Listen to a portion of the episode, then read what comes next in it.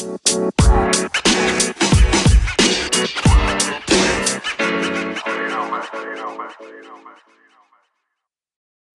selamat datang di The GCI, The Journal of Criminology Indonesia, bareng Yani di sini, seorang diri. Jadi dalam waktu sekian menit kalian hanya akan mendengarkan suara gue sendiri. Doa gue semoga kalian gak bosen.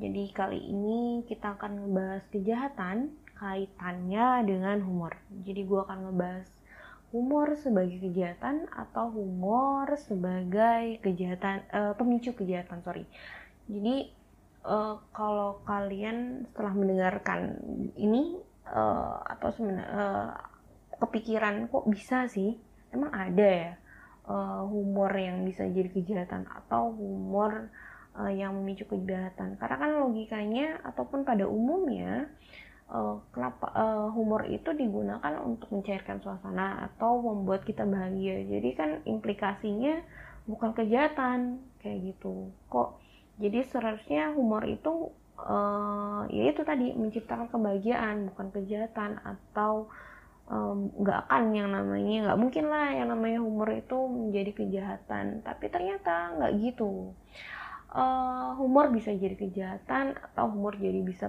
menjadi pemicu kejahatan. Uh, jadi mungkin awalnya gue mau cerita dulu kali ya kenapa kepikiran untuk uh, bahas ini. Jadi um, beberapa waktu lalu teman gue kayak ngupdate Insta story kan, terus kayak gue uh, ya udah kayak gue iseng aja balas terus kayak dengan canda uh, bercanda-canda gitulah Terus ternyata responnya dia merespon dengan serius dengan bilang ya ini, uh, ini waktu bukan waktu yang tepat untuk bercanda. Terus ya udahlah ya gue curhat ke Osin, Osin, Osin, Osin gue dimarahin bla bla bla bla bla. Ya udah akhirnya oh ya ya kenapa gue nggak bahas ini aja.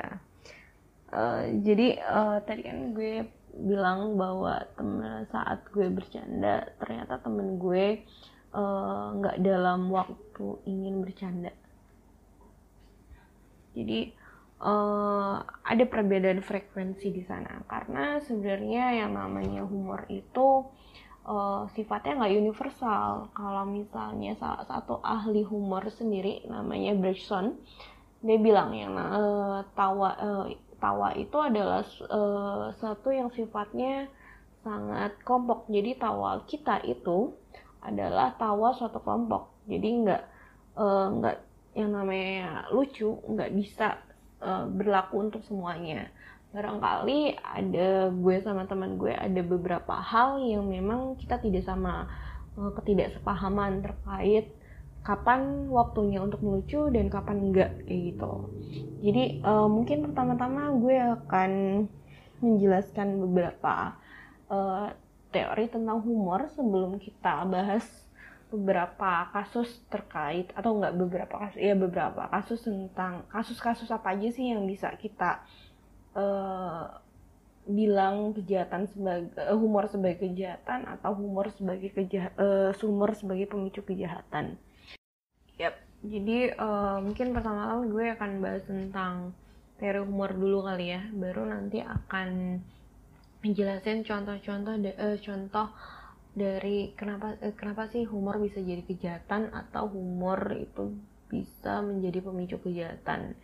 Jadi uh, gue melakukan pembacaan dari uh, teori-teori humor yang dirangkum dalam bukunya Senogumi Raji Dharma judulnya Antara Tawa dan Bahaya kartun dalam politik humor jadi dalam buku ini dia uh, membahas tentang uh, kartun-kartun yang ada kartun politik yang ada di Indonesia. Nah, sebelumnya dia menjelaskan beberapa uh, uh, merangkum beberapa teori dan mensintesakannya. Gitu. Jadi ada beberapa teori yang dia uh, dia rangkum di antaranya teorinya Freud. Uh, Freud yang ahli psikoanalisis itu uh, menurut Freud yang namanya humor adalah indikasi represi dan sublimasi materi tak sadar yang di, disebut kerja mekanisme sensor internal atau mungkin akibat orang lain yang terkejut ketika mendengar lelucon. jadi ketika yang namanya gagasan yang tadinya terpendam atau gagasan yang sebenarnya dalam masyarakat uh, dianggap tabu kalau disampaikan dalam situasi serius atau situasi normal uh, itu akan menjadi hal yang uh, yang namanya tabu ya. Berarti hal yang menciptakan ketegangan. Tapi karena ini di uh, tapi dengan humor, ekspresi-ekspresi yang terpendam itu, yang tersublimasi ini uh, bisa disampaikan uh, dengan lebih santai kayak gitu. Contohnya kayak uh, humor-humor seksual lah uh, yang suka disampaikan uh, kayak gitu. Itu salah satu contoh uh, ekspresi tak sadar yang dimaksud oleh Freud jadi ya dia memang sukanya membahas hal-hal yang berkaitan dengan seksual yang kenapa ya entahlah uh, terus hal teori yang lain juga. Itu dikemukakan oleh Bergson. Jadi kalau Bergson dia berpendapat bahwa yang namanya tawa adalah sesuatu hal yang tidak dapat dihindarkan dari mempermalukan. Dan konsekuensinya untuk melakukan koreksi terhadap sasaran yang ditertawakan kayak gitu. Jadi bisa jadi yang namanya uh, yang namanya humor itu ditujukan untuk menghina ataupun untuk melakukan koreksi gitu. Dan yang namanya humor menurut dia itu sifatnya tidak universal. Jadi tidak berlaku pada setiap orang. Jadi satu candaan tidak akan bisa uh, tidak mungkin uh, tidak berlaku di setiap kelompok gitu ya. Karena kalau uh, mau menuliskan ulang pendapatnya Bersen dia menulis bahwa yang namanya tawa kita adalah tawa satu kelompok. Jadi yang namanya untuk memahami tawa lucuan harus dikembangkan pada lingkungan asalnya. Nah mungkin kayak tadi gue sama temen gue ada hal yang kayak gitulah. Mungkin ada bagian di mana gue berbeda uh, dengan teman gue. Pemahaman tentang kapan sih harus bercanda dan apa sih candaan yang tepat itu beda. Mungkin kayak gitu uh, kira-kira contohnya kayak tadi kayak gue dan teman gue gitu. Bahkan gue sama temen gue aja bisa bisa beda uh, bisa bisa beda ya. Apalagi kelompok-kelompok yang yang ya ya jauh gitu kan. Kalian ya nanti kita akan bahas. Uh, yang lainnya teori tentang humor itu itu pernah uh, teori tentang superioritas atau penghinaan. Jadi yang namanya hum humor ini merupakan kejayaan mendadak atas kemenangan diri terhadap ketidakhormatan yang diderita orang lain. Uh, jadi yang namanya humor merupakan ejek, ejekan atau hinaan, suatu cara untuk menyerang pihak lain yang artinya juga menegakkan kekuasaan atas dirinya orang dari yang melaku, e, melemparkan candaan ini dan status superioritasnya dengan menggalang dukungan dari pihak yang bergabung dalam tawa kayak gitu jadi e, sebenarnya e, ta teori tentang humor sebagai bagian dari cara menyampaikan superioritas atau hinaan ini sendiri uh, banyak ditolak. Jadi ada uh, ada yang memandang bahwa umur uh, sebagai agresi secara umum sudah ditolak uh, kayak banyak menolak ini tapi juga banyak yang setuju atau menyepakati bahwa yang namanya humor itu dapat dan sering kali digunakan untuk mengungkapkan uh, agresi atau serangan gitu. Jadi ada perbedaan pendapat uh, antara humor itu sendiri. Apakah sebenarnya benar humor itu hinaan atau bukan? uh, nah terus ada juga nih yang uh, sebenarnya kayak sama sih kayak kurang lebih mirip lah sama Freud uh, mungkin terinspirasi juga kali ya tapi ini uh, yang namanya uh, humor itu merupakan bentuk pelepasan jadi yang namanya humor mengungkapkan semacam pertempuran dalam diri. Teori pelepasan menjelaskan bahwa pemicu tawa berasal dari pengertian bebas atas tekanan yang tadinya menguasai. Humor mengungkapkan apa yang ditabukan. Jadi eh, hal-hal yang dianggap tabu di masyarakat sering kali menjadi bisa dibicarakan uh, dengan humor kayak gitu. Nah, fungsi humor sendiri menurut Raportin itu uh, adalah cara manusia berinteraksi dengan sikap bermain. Uh, jadi uh, pendapat lain juga Michelle Shota mengungkapkan bahwa kegembiraan bersama memiliki fungsi sosial penting dalam memapankan dan merawat hubungan dekat, meningkatkan rasa atraksi dan komitmen serta kegiatan menguntungkan. Jadi kalau misalnya dari lihat fungsi ini, humor seharusnya punya memiliki fungsi yang baik ya. Karena kan ya bisa merekatkan atau me, apa sih mendekatkan. Tapi mungkin balik lagi kali ya ke teori uh, ke, teori, ke pendapatnya Bergson tadi yang namanya humor itu adalah humor uh, yang namanya tawa itu adalah tawa satu kelompok. Jadi yang namanya ini ya tidak selamanya bisa berlaku sama kayak gitu. Jadi supaya bisa bisa tawa-tawa bareng kita ya harus menyamakan persepsi terkait yang mana sih yang bisa ditertawakan yang mana sih yang enggak Nah, jadi uh, dari pembacaan teori-teori tadi, uh, Seno Gumira itu menyimpulkan kalau yang namanya humor uh, itu selalu membutuhkan korban. Jadi harus ada orang atau kelompok atau situasi yang ditertawakan yang layak ditertawakan, yang direndahkan atau bahkan sampai dihina gitu. Makanya kenapa dia menganggap bahwa yang namanya budaya humor itu merupakan pencapaian kemanusiaan. Kenapa gitu? Kenapa sampai pencapaian kemanusiaan?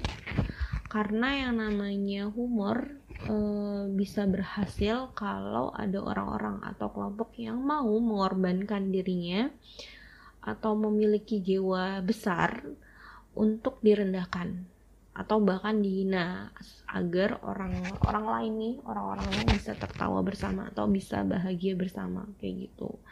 Nah dari pengertian ini dari bagaimana sebenarnya humor itu sendiri sebenarnya merupakan hinaan. Kenapa akhirnya humor itu bisa jadi kejahatan kayak gitu? Berarti kan kalau uh, dalam humor itu sebenarnya uh, mengandung um, unsur uh, yang menjadikan pihak lain menjadi korban kayak gitu.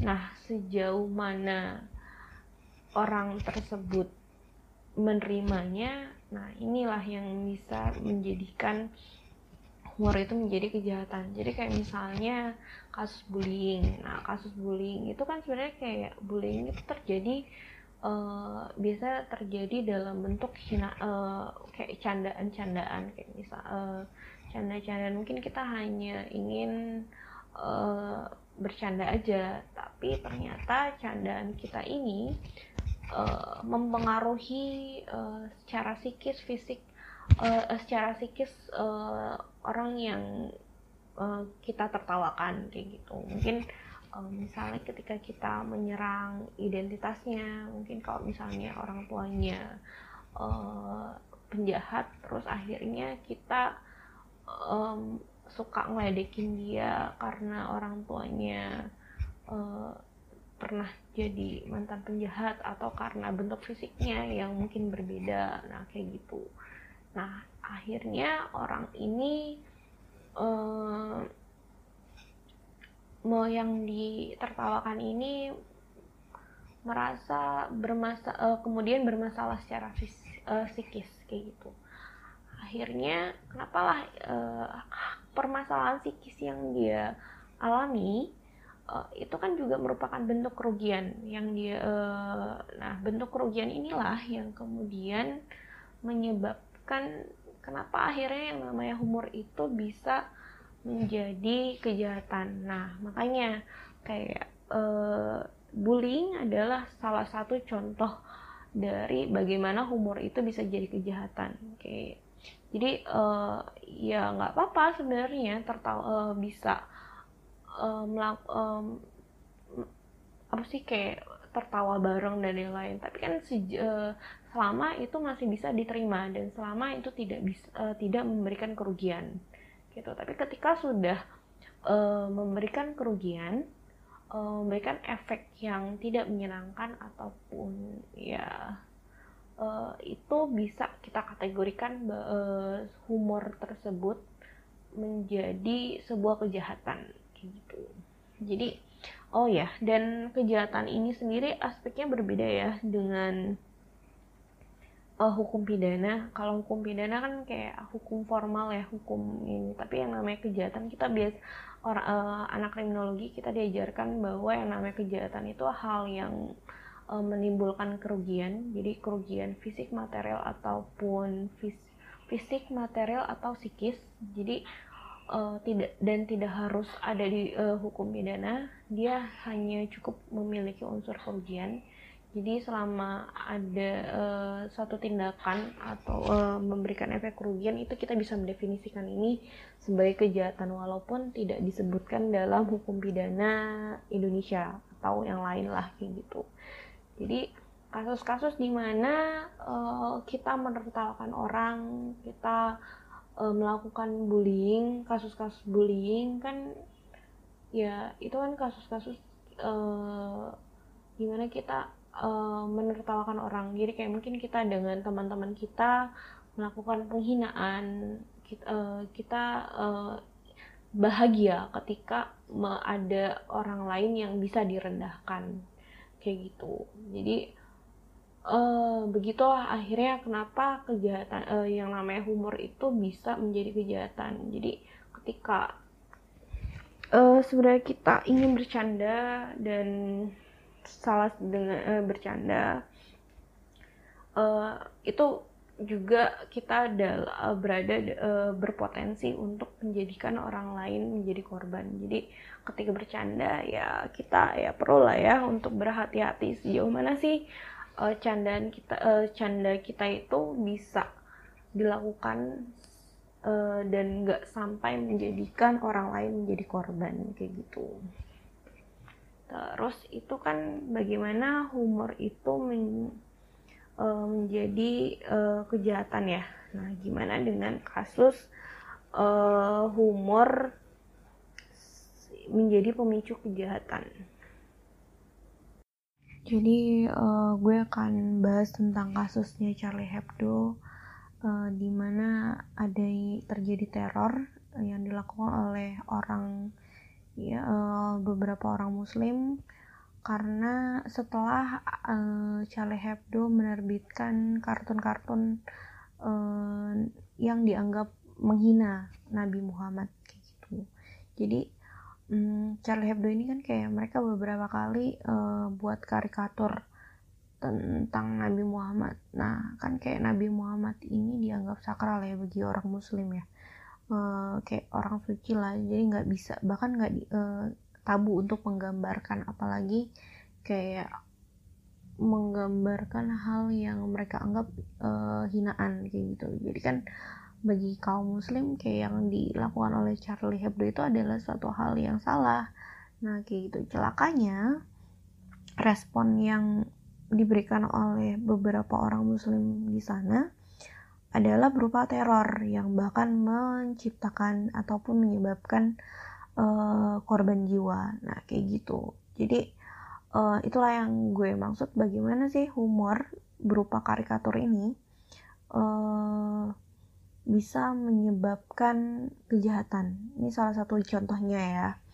Jadi uh, ini sendiri mungkin gue akan ngejelasin ini dari hmm, melalui pers, uh, konsepnya Anomia Durkheim kali ya. Jadi kan Durkheim itu ngejelasin uh, kejahatan terjadi karena adanya individualitas yang tinggi dan rendahnya sense of belonging saat uh, individu atau kelompok ter, uh, kepada kelompok yang lebih besar atau kelompok yang lainnya kayak gitu.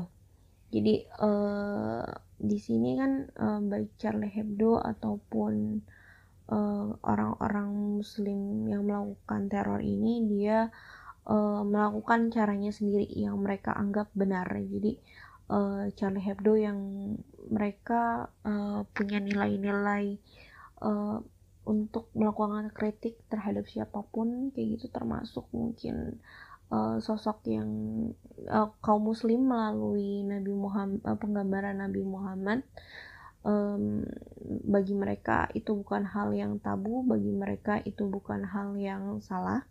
Tapi di sisi lain ada kaum muslim yang uh, yang mungkin punya uh, beberapa uh, beberapa kaum muslim di sana yang menganggap kekerasan adalah hal yang uh, bisa dilakukan uh, ketika kehormatan mereka diganggu kayak gitu. Jadi kan uh, ada um, keduanya mengedepankan individualitas mereka yang ternyata satu sama lainnya tidak bisa diterima kayak gitu. Jadi uh, uh, di mana kejahatan itu nah kenapa akhir uh, kenapa akhirnya kejahatan itu terjadi? Karena ada nilai-nilai yang ternyata tidak diterima oleh masyarakat lainnya kayak gitu. Dan disepakati sebagai hal yang uh, uh, dan kemudian dilihat sebagai hal yang merugi uh, apa ya ya tidak sesuai lah dengan nor norma nilai kayak gitu. Nah Durkheim sendiri kan ngejelasin ini uh, ngejelasin tentang anomi ini sebagai sebuah transisi masyarakat dari masyarakat yang simple uh, sederhana ke masyarakat yang lebih kompleks.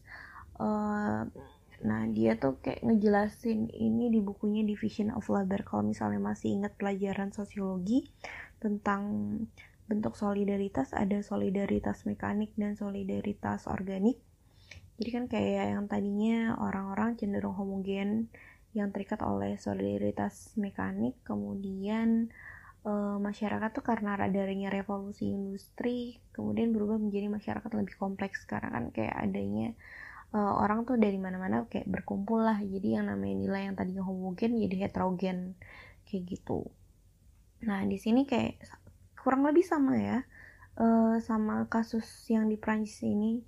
Kayak di Prancis kan kayak adalah tempat uh, negara yang banyak lah ya migran-migrannya. Jadi wajar ketika uh, banyak nilai di uh, yang di nilai-nilai yang berbeda yang dianut dalam uh, oleh uh, setiap kelompok kayak gitu. Nah, nah di sini uh, kejahatan terjadi karena adanya uh, ekspresi dari uh, ekspresi yang dianggap uh, ekspresi yang mereka ekspresi individual individual yang mereka tunjukkan nah, pokoknya kayak uh, dan ternyata bertentangan dengan uh, masyarakat secara umum atau masyarakat yang lainnya. Nah, dan hingga menyebabkan ketegangan kayak gitu. Begitupun juga dengan Charlie Hebdo, kayak dia mengedepankan eh, nilai-nilai uh, kritis melalui uh, karikatur itu dan ternyata ini melukai uh, kelompok lainnya gitu. Jadi uh, kenapa akhirnya kejahatan bisa terjadi gitu.